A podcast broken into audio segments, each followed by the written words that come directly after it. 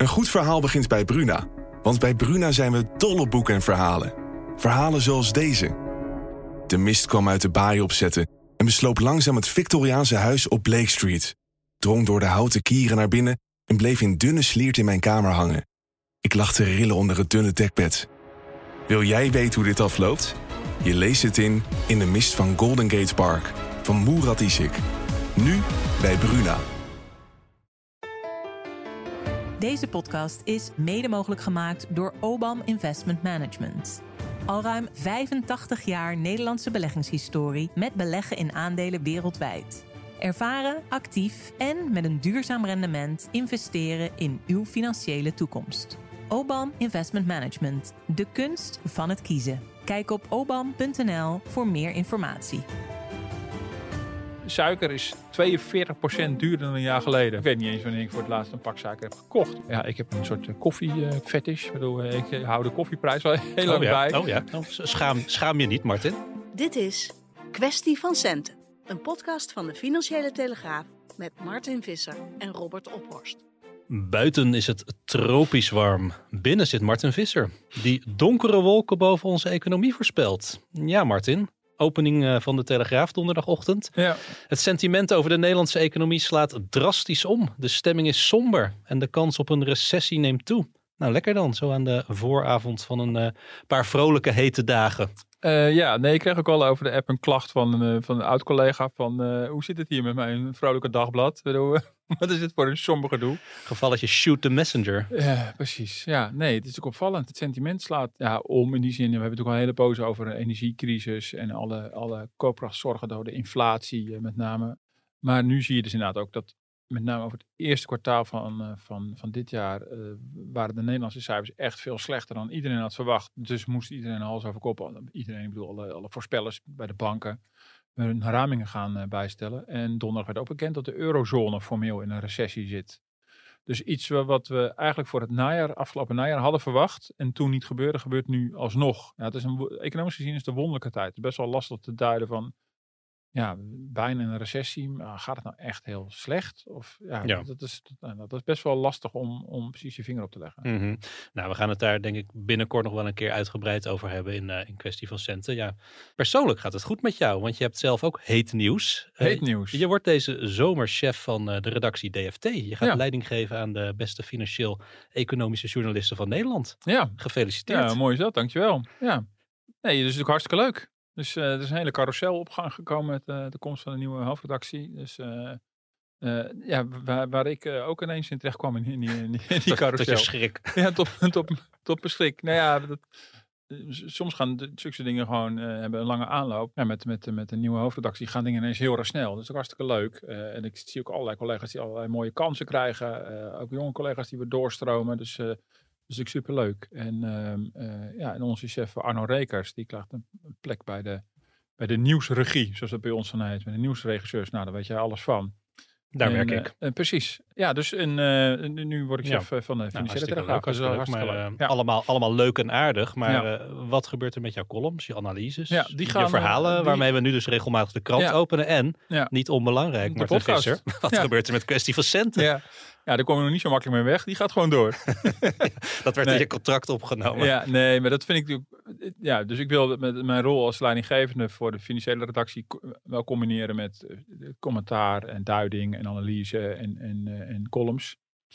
Maar ja, ik zal niet zoveel tijd meer hebben voor hele grote interviews. En, maar goed, er zijn uh, zat uh, andere mensen die ook mooie verhalen kunnen maken. Dus daar ben ik allemaal niet zo bang voor. Maar ik vind het wel tenminste heel leuk en ook wel mooi om die ervaring te blijven voortzetten van uh, de, de podcast, video uh, en dat soort dingen. Dus ik blijf me wel volop met, met de economie bezighouden. Ja. Dus ik word niet, uh, niet alleen maar een manager die achter de schermen verdwijnt en dan die zien we nooit meer terug. Nee, ik blijf meewerkend voorman. Een meewerkend voorman. Heel goed, op, heel goed. Dit, terrein. Ja, daar, zou ik, daar word ik denk ik wel wat gelukkigst van als ik dat weet te combineren. Ja, goed, ter zake. donkere wolken boven onze economie dus. en wat dan ook niet helpt, is dat alles zo duur is. De inflatie die blijft maar oplopen en die prijzenpijn die voelen we als consument bijna overal. Daar gaan we het deze kwestie van centen over hebben. Gaan grote bedrijven te ver met hun prijsverhogingen? Zijn ze simpelweg te machtig geworden in Nederland en moet de politiek ingrijpen? In mei waren de prijzen 6,1% hoger dan een jaar geleden, meldt het CBS. De inflatie is voor de tweede maand op rij iets opgelopen. En dat merk je vooral in de supermarkt. Eten en drinken is de belangrijkste categorie die duurder geworden is. Het verhogen van de prijzen gaat minder snel dan een half jaar geleden. Toen was de inflatie nog ruim 10% nu dus zo'n 6% Maar er zijn nog altijd bedrijven die de prijzen verhogen. Denk bijvoorbeeld aan eh, de horeca. Op de terrassen worden de prijzen hoger. En ook bij internetaanbieders worden de abonnementen verhoogd. Soms wel met 7, 8 procent in een maand tijd. In supermarkten, ook daar lopen de prijzen nog altijd op. Maar het gaat wel minder snel dan een half jaar geleden. Eerst maar even die prijzen, Martin. Uh, eh, 6,1 procent. Ja. Zoveel zijn de prijzen van uh, consumentengoederen en diensten in mei gestegen. Vergeleken met, dat, met dezelfde maand een jaar eerder. Dat, ja. uh, dat becijferde het CBS deze week. Ja. In april was de inflatie ook al 5,2 procent. Ja. Dan heb ik zoiets van, houdt het dan nooit op? Ja, nee, dat is wel opmerkelijk hoor. In maart was het 4,4. Dan hebben we het even helemaal compleet. Eigenlijk sinds september vorig jaar begon de inflatie af te lopen in Nederland. En mm, soms met hele grote sprongen. En nu, opvallend genoeg, is al twee maanden op rij dat die weer stijgt. Uh, ik denk dat het wel een beetje uh, het beeld voor dit jaar zal zijn. Met de, de grote trend is een daling. Maar met af en toe van die hiccups naar boven toe. Dat je denkt van, hè, gaan we weer terug naar, naar, die, die, naar die tijden van, van vorig jaar zomer. Nou, dat laatste is niet de verwachting. Maar dit Toen we echt op iets van 16 procent Ja, op een gegeven moment zaten we echt extreem hoog. Gingen we naar boven de 14, richting de 16. En uh, dat was echt extreem. Maar het is wel opvallend, want bij dit laatste cijfer springt Nederland er ook uit, Europees gezien. In alle andere landen, nagenoeg alle andere landen, blijft de inflatie gewoon dalen. Dat is niet meteen een reden voor enorme zorg in die zin dat het weer sky high wordt. Uh, wat, wat je wel steeds hebt, is ook statistisch gezien is het ook wel echt al een, een janboel en onoverzichtelijk geworden. Uh, want je vergelijkt de, de prijzen altijd met een jaar eerder. En het maakt dus heel erg uit wat er precies die maand een jaar eerder is gebeurd. Dus we hebben vorig jaar natuurlijk gezien dat de energieprijzen grote schokken maakten en soms ineens flink omhoog knalden en soms even stabiliseren. Ja, en als je steeds met een maand eerder, met een jaar eerder in diezelfde maand gaat zitten vergelijken, dan, dan, dan, dan, krijg je soms een beetje rare effecten. Mhm. En dan lijkt ineens de, de inflatie weer hard toe te nemen, maar dat komt dan net omdat in die andere maand de energieprijzen net een schokkerige beweging achter de rug hadden. Ja, dus in, in die zin, ik denk dat we hele rare, rare statistieken zullen blijven zien in de, in de komende tijd. En maar ik kan me niet voorstellen dat de inflatie echt substantieel weer zal blijven stijgen. Maar het is wel een teken dat het inflatieprobleem voorlopig niet is opgelost. Nee. Dat, uh, dat zei Klaas Knot ook deze week, ook weer in de Tweede Kamer. We moeten er rekening mee houden dat de inflatie wel een langere tijd hoger is dan we eigenlijk wenselijk vinden. Wenselijk is 2%, dat is de officiële maatstaf voor de centrale bank. Uh, nou, daar zitten we sowieso al ver Ja, boven. Dat, met die voelt, 6,1. dat voelt als iets uit een ver verleden, die Ja.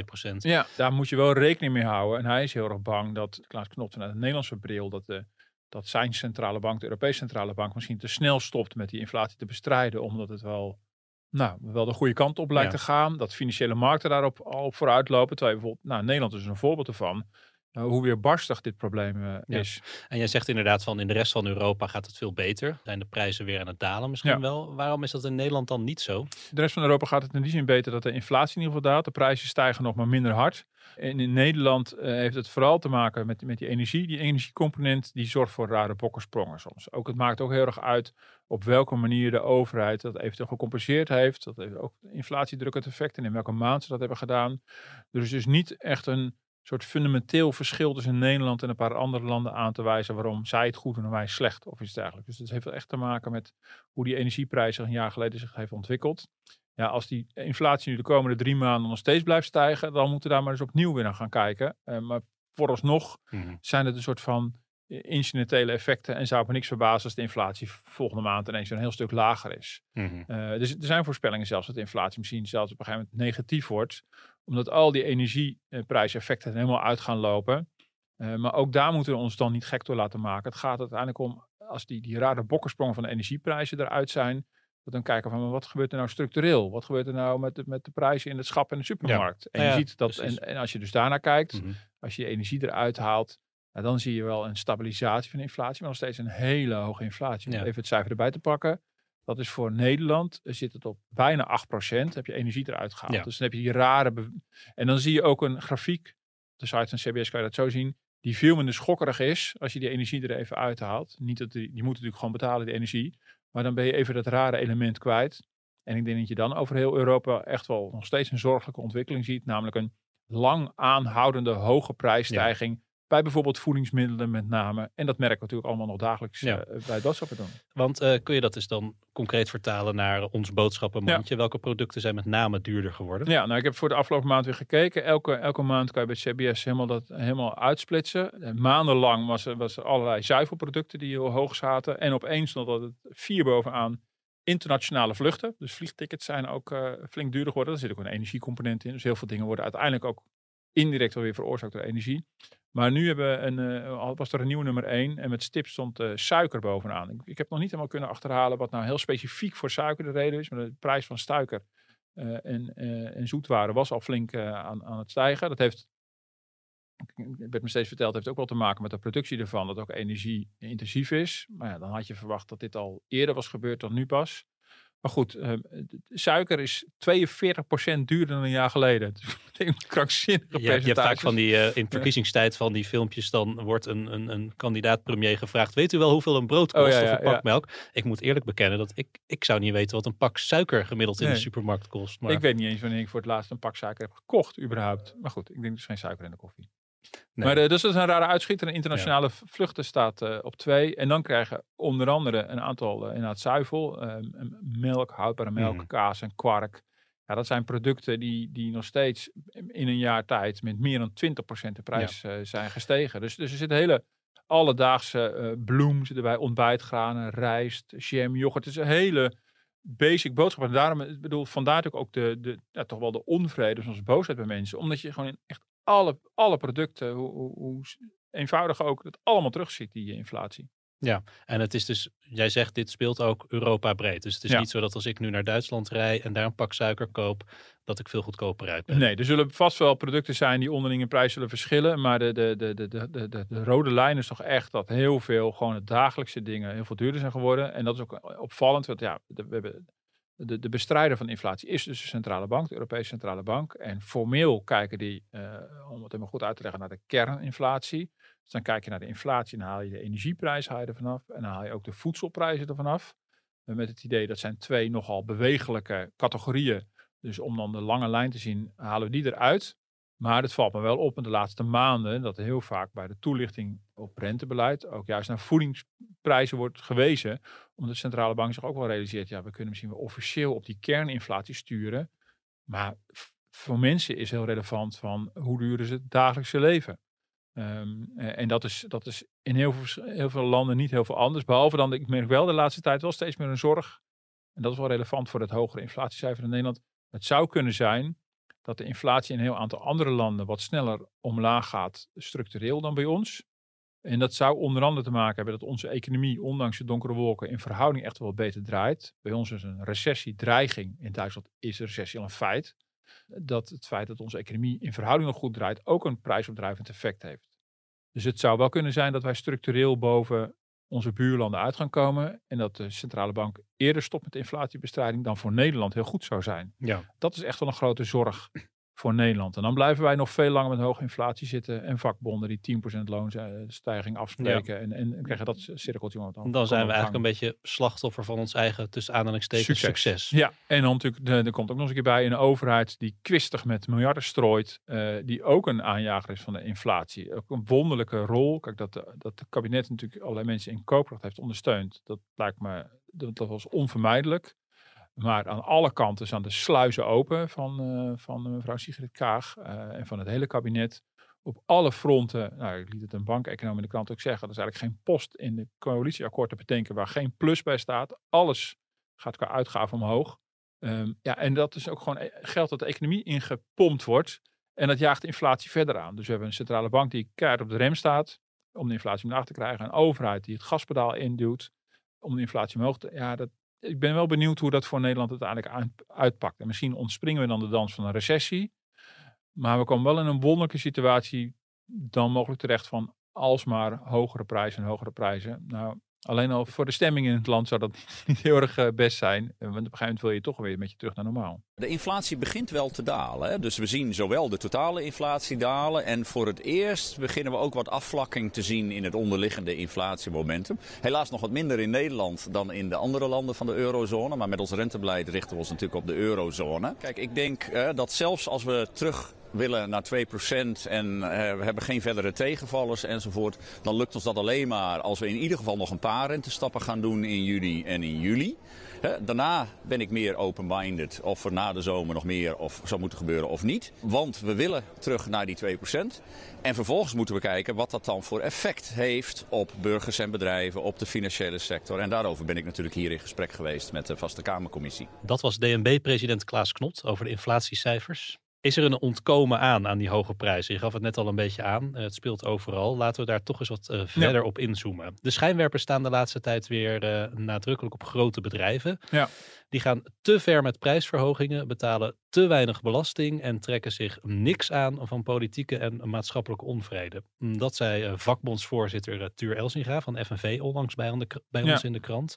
Heeft hij een punt, vind je? Nou, ik denk wel dat hij een punt heeft. Ik bedoel, natuurlijk is het ook, ook deels voor de bühne. En hij vertegenwoordigt natuurlijk een belang. En dat is ook, dat, daar is hij voor ingehuurd. Het klinkt ook een beetje linksig, van de Ja. grote bedrijven hebben Ja. het gedaan. Ja, nee, dus in die zin is het ook misschien korter de bocht. Maar ik begrijp wel heel goed wat hij bedoelt. Want wat je natuurlijk wel ziet is een ontwikkeling waarin eh, de, de, grote bedrijven in de loop van jaren natuurlijk steeds internationaler georiënteerd zijn eh, geworden. Ehm, eh, ze zijn gegroeid, ze zijn multinational geworden. En eh, het contact met de thuisbasis, met ons eigen land, is wel steeds minder. Überhaupt met een thuisbasis.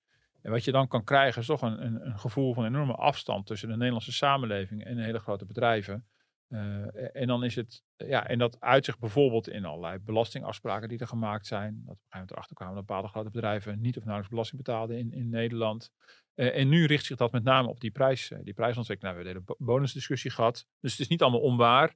Maar het is natuurlijk inderdaad ook wel natuurlijk vakbondstaal. Eh, en je ziet ook nu in de hele discussie over de graaiflatie, eh, dat zonder dat we eigenlijk precies weten waar zich dat exact voordoet, Ja. dat iedereen de voetstoots van uitgaat. Dat zal dus wel bij die grote bedrijven zitten. Eh, Leg nog even uit, want grijflatie is een woord wat de laatste tijd heel vaak opduikt. Ja. Wat is dat ook alweer? Ja, nou, ik zou het samenvatten als dat uh, grijflatie is de prijsstijging die, die eh, de kostenstijging eh, overtreft. Dan Ja. zeggen we dat de kosten stijgen met zoveel procent en een bedrijf rekent dat door en doet er nog een opslag bovenop. Ja, om nog net even wat meer winst Ja, te maken. precies, ja. Eigenlijk dan nodig is. Ja, nou, er was eerder al van, van vakbond FNV een onderzoek. Die keken gewoon naar, die, naar eh, de, de, de jaarrekeningen van, van beursgenoteerde bedrijven. Om te kijken, hebben die meer winst gemaakt, ja of nee? Nou, de winstmarges van, van veel grote multinationals zijn toegenomen. Dus was er sprake van grijflatie. Nou, dat, is, dat ligt iets genuanceerder, want daar werden alle activiteiten van het bedrijf eigenlijk opgeteld. Bijvoorbeeld voor Ahold Delhaize, eh, dat Amerika heel veel winstgevender was, eh, werd meteen automatisch vertaald en dat in Nederland de prijzen te hoog zijn. Nou, dat gaat even iets te snel. En toen kwam er later een analyse van de Rabobank overheen. Maar die was weer heel erg uitgezoomd. Het was echt helemaal op gemiddeld, dus voor heel Nederland, op basis van CBS-statistieken, maar ging wel specifiek over Nederland. Eh, en, en die concluderen dat de, de, de prijzen eh 20% eh, meer waren gestegen dan de kosten waar bedrijven mee te maken hebben gehad. Dan heb je dus een opslag van, eh, van, van 1 vijfde. Nou, dat is toch substantieel eh, te noemen. Alleen een makker daarvan was dat, eh, A, er is daarna heel veel economische discussie gekomen over hoe moet je die cijfers precies interpreteren. Dus het is helemaal eh, plat genuanceerd. Uh, maar ook daar, daar was het lastig. Er was niet sectoraal, laat staan op bedrijfsniveau, uit te splitsen. Dus het blijft wel een beetje zoeken van wat gebeurt er precies en waar, en waar, en waar, waar, zit het probleem. En door Mhm. het grijflatie te noemen, dat doen wij in de krant natuurlijk ook, eh, wijs je al een beetje in een bepaalde richting. En zit er ook wel een zekere morele lading Ja. in. eh, dat we het niet helemaal acceptabel vinden, op zijn minst. Nee. Uh, maar dat maakt het wel lastig. Ook Ja. van de week een rapport van het Centraal Planbureau die ook zei, ja, uh, het is allemaal nog niet te bewijzen. Um, maar goed, je voelt aan alles uh, dat de cijfermateriaal wat er is, wijst in die richting. Misschien dat we uh, achteraf gezien, het zal misschien blijken dat het een onrichter naar de supermarkt hebben gewezen en hadden we veel meer naar het energiebedrijf moeten wijzen of naar voedingsmiddelenindustrie. Dat is, dat is nog een beetje gissen. Maar dat grof, grosso modo grote bedrijven meer ruimte hebben om hun prijzen te verhogen dan kleine bedrijven, ja, dat, dat wordt wel gesteund door analyses van alle economen die ook gesproken hebben de Ja. afgelopen tijd. Want hoe machtig zijn die grote concerns dan precies? Dus dat vind ik dus interessant. We, we begonnen met die grijflatie en daarna zijn we er verder in gedoken van wat zegt het inderdaad over de positie van die grote bedrijven. Want je vroeg van ja, kunnen, kunnen die hoge prijzen ontlopen? Uh, kan je als je, als je het tabak hebt van die grote, grote concerns, kan je wel ergens heen? Nou, formeel wel, maar in de praktijk blijkt wel dat de, de marktaandelen van in heel veel sectoren van grote bedrijven zo gigantisch is. Uh, dat je de facto altijd wel bij die grote jongens uitkomt. Nou, dat mm -hmm. bij de supermarkten waar Albert Heijn, Jumbo en Lidl eh, bij elkaar ook pak een beet eh, 60, 70 procent van de markt in de handen hebben. Eh, ik heb van een heel aantal op een rij gezet. Met een mobiele telefonie, T-Mobile, KPN, Figo, eh, Vodafone, Ziggo Dome. eh, Ziggo. Ziggo, Ziggo Dome. Ziggo. Jij zit alweer met je hoofd bij het weekend. Ja, nee, ik zit, ik heb zit een podcast te luisteren over. Het is, dat, maar goed, ik zit, zit te luisteren over wat er gebeurt er achter de schermen bij grote concerten. Oh dus ja. ik Oh, zit, dat eh, dus dat zit nog in mijn hoofd. T-Mobile, KPN, Vodafone, Ziggo hebben bij elkaar een marktaandeel wat richting 80, 90 Ja, dus dat betekent eigenlijk dat als jij een, een, een telefoonabonnement wil afsluiten, dan moet je bijna wel bij een van die vier grote Ja, bedrijven. Ja, eh, en ehm, eh, nou, voor energie geldt hetzelfde met Vattenfall, Essent en Eneco. Voor de banken ING, Rabo, ABN AMRO. Zorgverzekeraars, ook gekeken, Achmea, VGZ, CZ en Mensis. Ja, eigenlijk, je, je pak, pak een sector en je zal zien dat de top drie, vier of vijf al snel 70, 80, zo niet meer procent van de markt in de handen heeft. En dat is toch wel interessant. Ja. Dat zegt niet alleen iets- over de grijflaatje van nu, maar ook over de marktmacht die Ja. sluipende wijze in de loop van de jaren is ontstaan. Maar waarom is dat dan in de praktijk, blijkt dat toch een probleem? Want stel, Ja. eh, ik ben een fabrikant van pindakaas en ik heb drie concurrenten. Dan Ja. met z'n vieren maken wij de hele pindakaasmarkt uit. Ja. Maar mijn concurrenten verkopen hun pindakaas allemaal voor 3 euro per pot.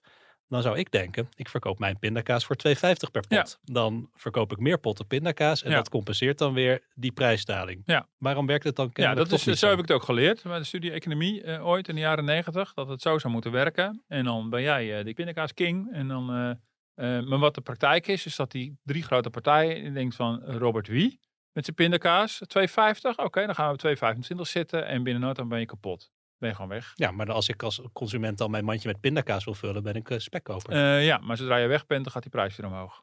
Dat is heel, heel versimpeld. Maar Mhm. ja, wat ik interessant vond, ik heb eh, rondom die discussie grijflatie eh, een paar keer uitgebreid gesproken met Hans Schenk. Hij is inmiddels emeritus hoogleraar, maar hij is echt de kenner over industriepolitiek, over mededinging, over marktmacht en ook over inflatie. Hij stuurde een grappig fotootje van de inflatieboeken die hij nog had uit de jaren 80. Dat is een hele rij met boeken. Hij zei, dat is een hele oude discussie alweer, die opnieuw nu, opnieuw nu plaatsvindt. Eh, maar inmiddels hebben we ook heel veel geleerd over prijsvorming en hoe, hoe machtconcentratie werkt. Eh, en hij stelt dat in heel veel sectoren het toch allemaal iets anders gaat. De tekstboekjes suggereren dat de keihard wordt geconcureerd op de prijs. En iedereen gaat net onder de prijs van een concurrent zitten. Maar in de praktijk is het in zijn optiek gaat het anders. Misschien niet volgens de modellen, maar wel in de logica en de systematiek van die bedrijven. Eh, grote bedrijven eh, hebben hun aandeelhouders een bepaalde winstmarge beloofd. Dat moeten ze ook zien te halen. En bij die winstmarge hoort een bepaalde prijs. Al die bedrijven zitten hetzelfde spelletje te spelen. Die zitten allemaal naar elkaar te kijken. Niet met als doel om net onder die prijs te gaan zitten, maar om te kijken of zij ook op die prijs kunnen gaan zitten om die winstmarge te kunnen beloven. Het jaar erop moet een, hogere winstmarge worden beloofd. Dan zitten die concurrenten weer heel scherp naar elkaar te kijken. Opnieuw niet om net onder de duiven van de andere te schieten, maar juist om erin mee te kunnen gaan. Ja, dus als de een de prijs verhoogt om eh, eh, de aandeelhouders meer winst eh, te Ja. kunnen uit, dividend te kunnen uitkeren, dan denken de concurrenten, dan kunnen wij ook. Ja, ja nou dat klinkt in die zin misschien onlogisch dat je denkt, ja, maar dan, dan moet er dus een concurrent toetreden die er allemaal wel onder gaat zitten. Die zegt, ik speel dat spel niet mee.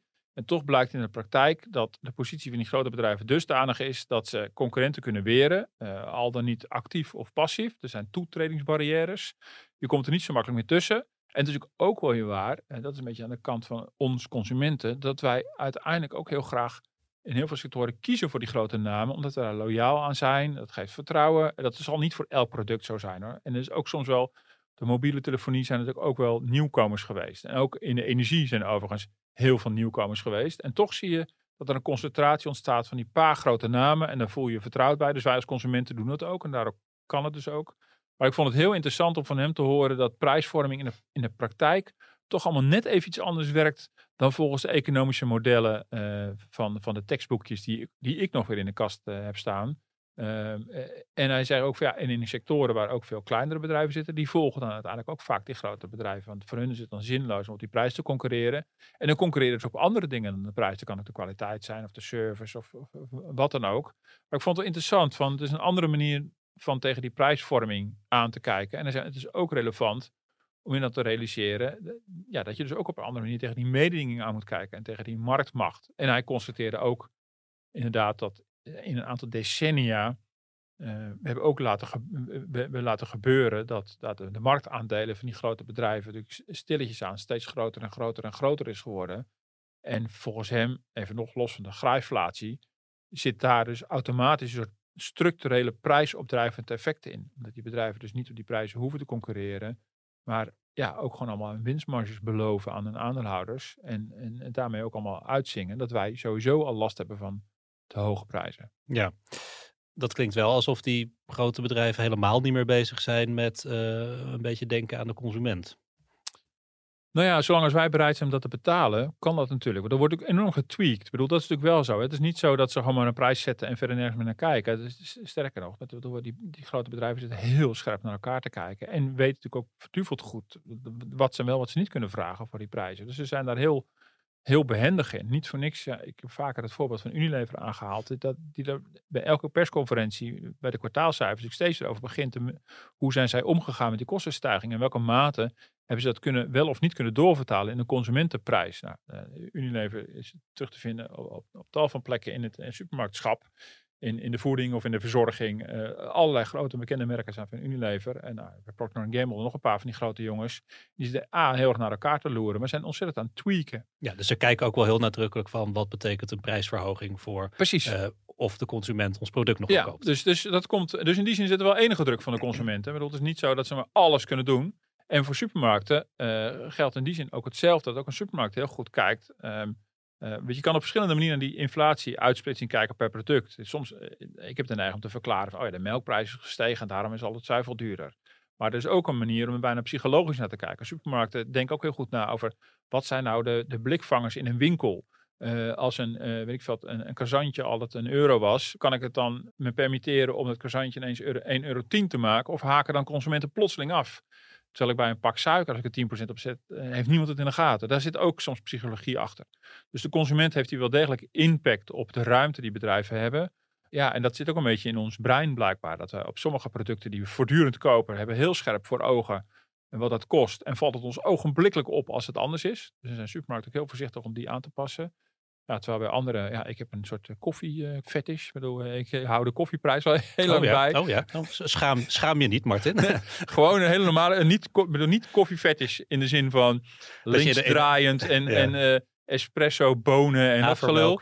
Uh, maar gewone, normale Douwe Egberts gewoon een normale maling, gewoon door een apparaat heen. Wat is er dan nog een fetish aan? nou, dat ik die prijs heel goed in de gaten hou.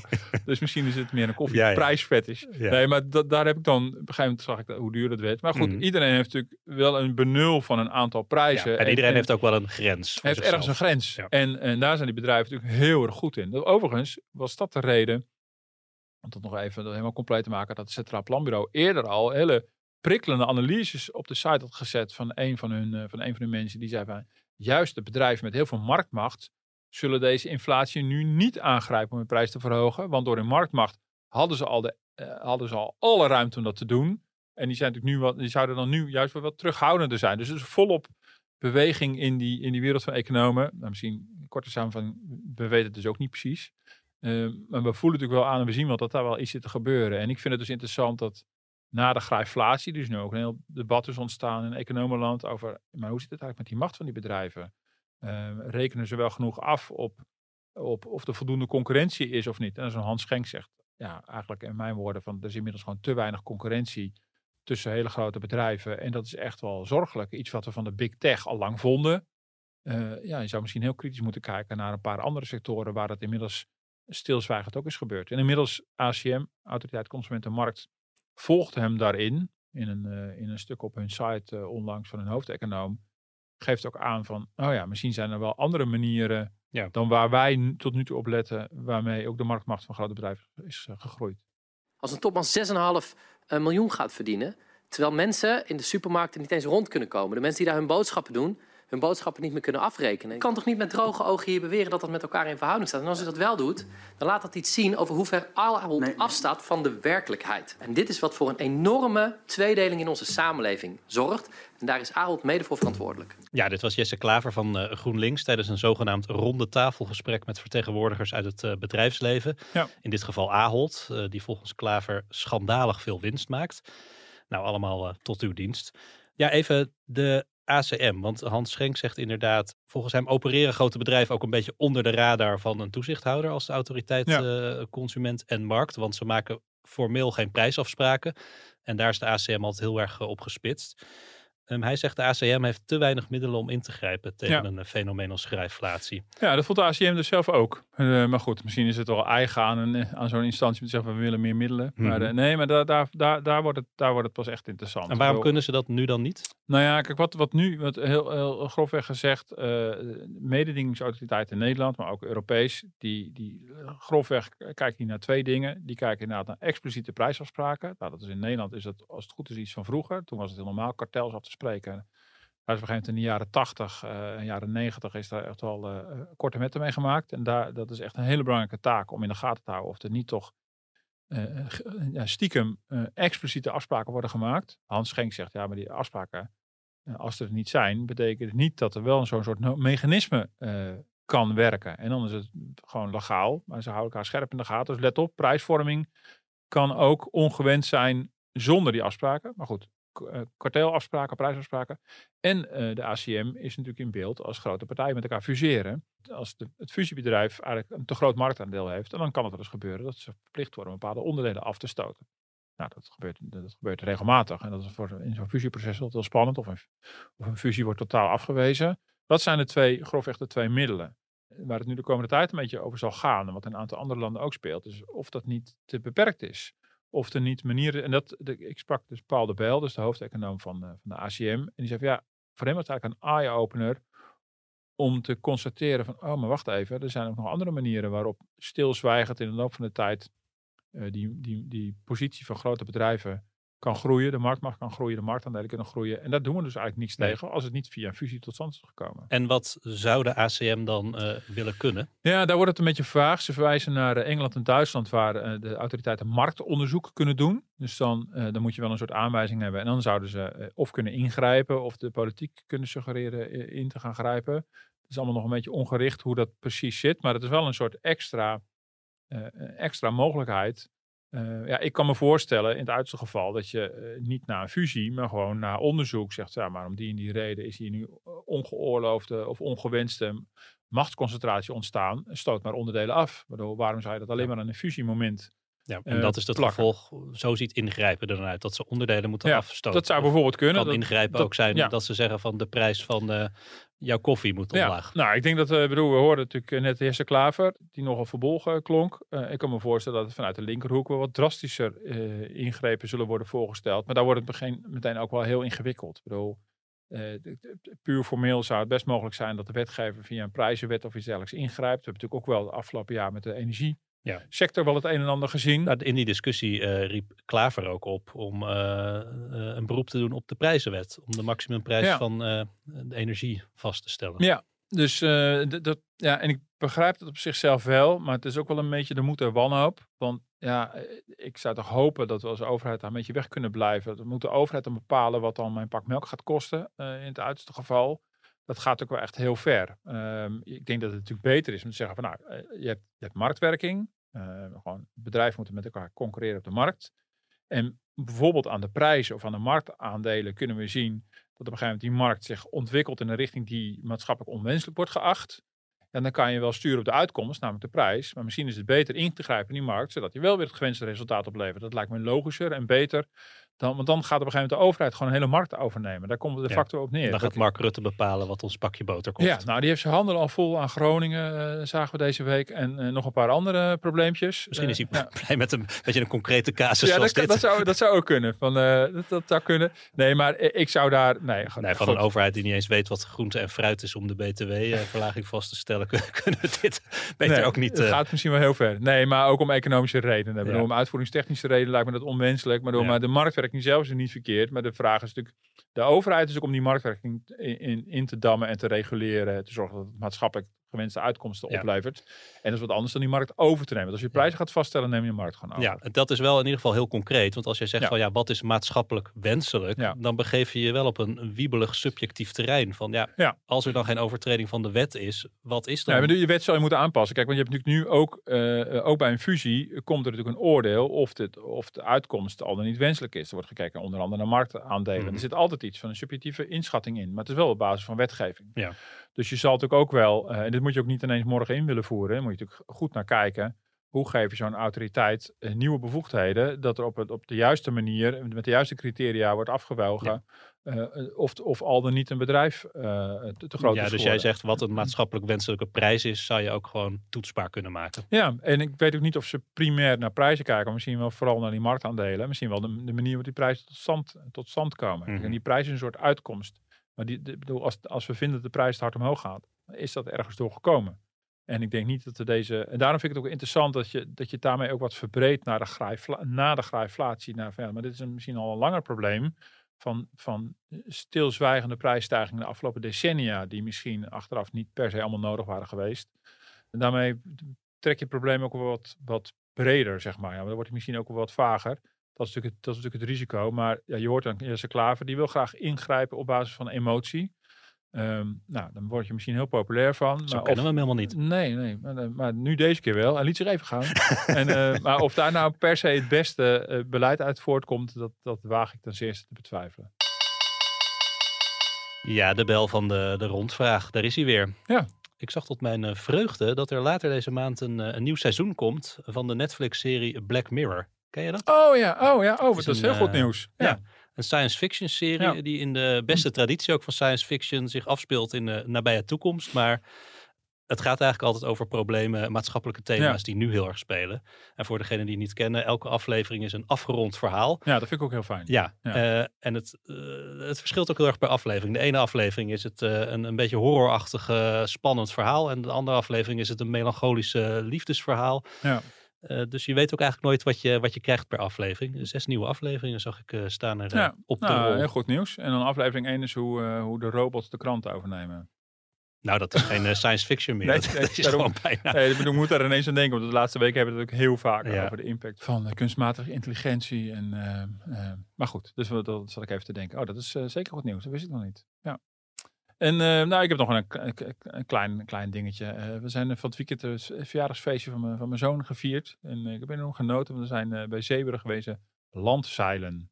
Tenminste, ik stond aan de kant en ik keek toe hoe de jongens gingen landzeilen. Het was, wat, wat moet ik dan voor me zien bij landzeilen? landzeilen is, ehm, het is gewoon een, braak, een braakliggend stuk terrein. en hebben ze hele mooie kleine bootjes, bakkie, ja, bakken op drie wielen. Twee grote zijwielen en eentje vooraan. En dan een zeil erop. Dus op een zeilbootje zit, maar dan op land. En, gaat, gaat best hard, denk ik, als de ja, het ging best wel hard. staat. Ja, en uh, het was anderhalf uur. En uh, nou, binnen, binnen tien minuten hadden ze het wel in de vingers. En hebben ze allemaal een rondje zitten draaien. Nou, die kinderen waren gelukkig. Dat was echt heel leuk om te zien. Dus nog een, ja, nog een tip voor mensen die weer eens wat anders dan karten. kinderfeestjes moeten organiseren. Ik vond het echt oprecht heel leuk. Leuk, leuk. weer. Ja, wij hebben binnenkort een kinderfeestje, maar dat is pas het, het eerste kinderfeestje. Oh ja. Dus het landzeilen laat nog even op zich wachten. Maar nee, het, ja, het klinkt leuk. Ja, wat gaan jullie doen dan? Dan ben ik wel heel nieuwsgierig nu je toch over begint. Mijn plan was om gewoon zoveel mogelijk vrienden uit te nodigen en dan Ja. een paar flessen wijn open te Oh. trekken. en dan te proosten op de verjaardag van onze zoon. Maar Ja, precies. Maar ja, op een gegeven moment wordt hij ouder. ja, En dan moet je zich gaan entertainen. En dan Ja, spreek dat- ik je wel weer. ik moet zeggen dat ik daar eigenlijk heel erg naar uitkijk, naar die kinderfeesten. Nee, dat is ik heb daar zelf altijd ontzettend goede herinneringen aan van vroeger. Ja, zeker. Ja. Nou, eindigen we toch weer gewoon eh, op eh, papa-mama niveau. En een beetje positief. Goed. Martin, goed. eh, dankjewel en tot de volgende. tot volgende week.